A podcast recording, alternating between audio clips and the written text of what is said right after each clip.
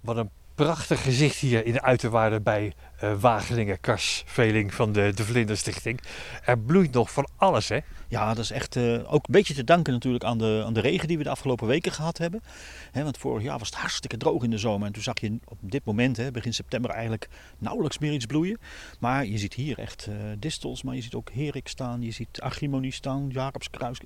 Ja, er bloeit van alles. Ja. Dit zou een veldje kunnen zijn. Dit is een veldje waar ik als, als vlinder maar eventjes heel goed zou volgieten om op trektocht te gaan. Zeker weten. En ik weet, vijf minuten na deze uitzending, dan zien we hier vast en zeker de Atalanta fladderen. Dat, uh, ja, die komt hier heerlijk langs om op de distels uh, zich vol te tanken. We blijven goed om ons heen kijken, hè? Absoluut, ja. Niet alle vlinders gaan op trektocht. Het zijn er een aantal en die gaan dan ook heel ver, dagvlinders. Maar nachtvlinders, gaan die ook op trektocht? Er zijn nachtvlinders die ook op trektocht gaan. Een heel algemene is de gamma-uil. Ja, is een beetje een bruine mot, zeg maar letterlijk. Dus mensen zullen niet zo snel herkennen als, als bijzondere vlinder. Maar dat is echt een trekvlinder die uh, nu in het najaar ook massaal bijvoorbeeld op de bloeiende heide zit. Dat is natuurlijk één prachtig mooie bloemenzee. Dus dan zie je soms tientallen, soms wel, wel, wel vijftig uh, gamma-uilen die zich ook weer aan het voltanken zijn voor de trektocht naar het zuiden. Een hele bijzondere, die heel bijzonder was, maar die heel veel mensen misschien toch al wel gezien hebben, is de kolibrievlinder. Dat is een nachtvlinder die overdag vliegt ja, hoe krom kan het zijn? En die zie je bijvoorbeeld op je vlinderstruik. Zie je hem echt als een kolibrie voor die bloemen staan. En tjik, tjik, tjik van bloem naar bloem vliegen. En met zijn roltong, dat lijkt dan een beetje op een snavel, zo uit die, die bloem de nectar zuigen. Ook dat is een trekvlinder. Ja, die gaat ook naar het zuiden. Waar gaat hij heen? Die gaat uh, zeg maar naar Zuid-Europa. Ja, naar plekken waar het niet echt hard vriest, zodat hij zich in feite constant voort kan planten. Ja. Gaat hij dan ook hippend iedere keer een paar honderd kilometer om zich daarna weer vol te zuigen?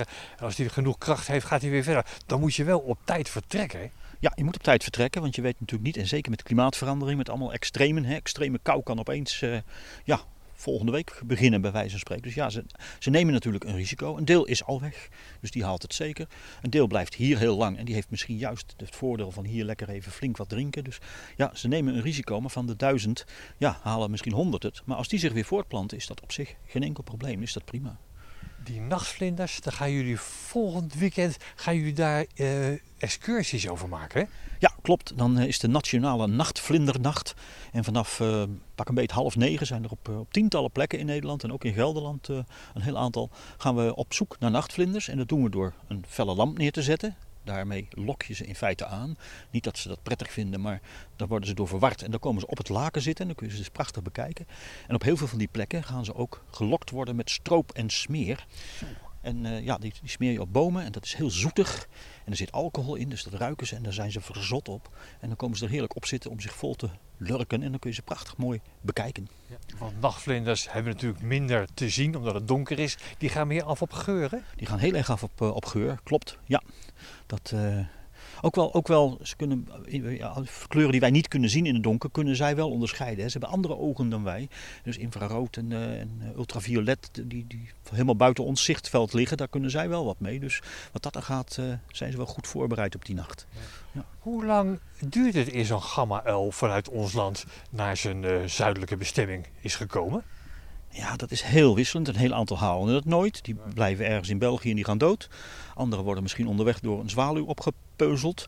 Uh, en er zijn er die inderdaad, als ze de wind mee hebben en echt flink doorvliegen, dan kunnen ze gewoon in twee dagen tijd uh, ja, bij uh, Lyon in, in Frankrijk zijn. Dat kan echt op een hele snelle manier. Mooi is, en dat is niet een nachtvlinder, maar een dagvlinder, die distelvlinder, die we ook al genoemd hebben.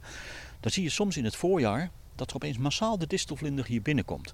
En vaak is dat op hetzelfde moment als je op de auto dat rode woestijnzand tegenkomt. Dan zijn ze in een hoge luchtstroom meegekomen, waar ook dat rode woestijnzand mee is gekomen. Dat is hier op onze auto's terechtgekomen. En die distelvlinder is gewoon daar in die luchtstroming lekker een dutje gaan doen. En die wordt hier in Wageningen wakker en die, die zit dan hier in de uiterwaard. Dus ze weten precies waar ze de goede wind kunnen vinden om zo snel mogelijk uh, hun trektocht te vervolgen. Ja. Wat zijn het toch bijzondere dieren, vlinders? Heel fascinerend, heel fascinerend. Ja.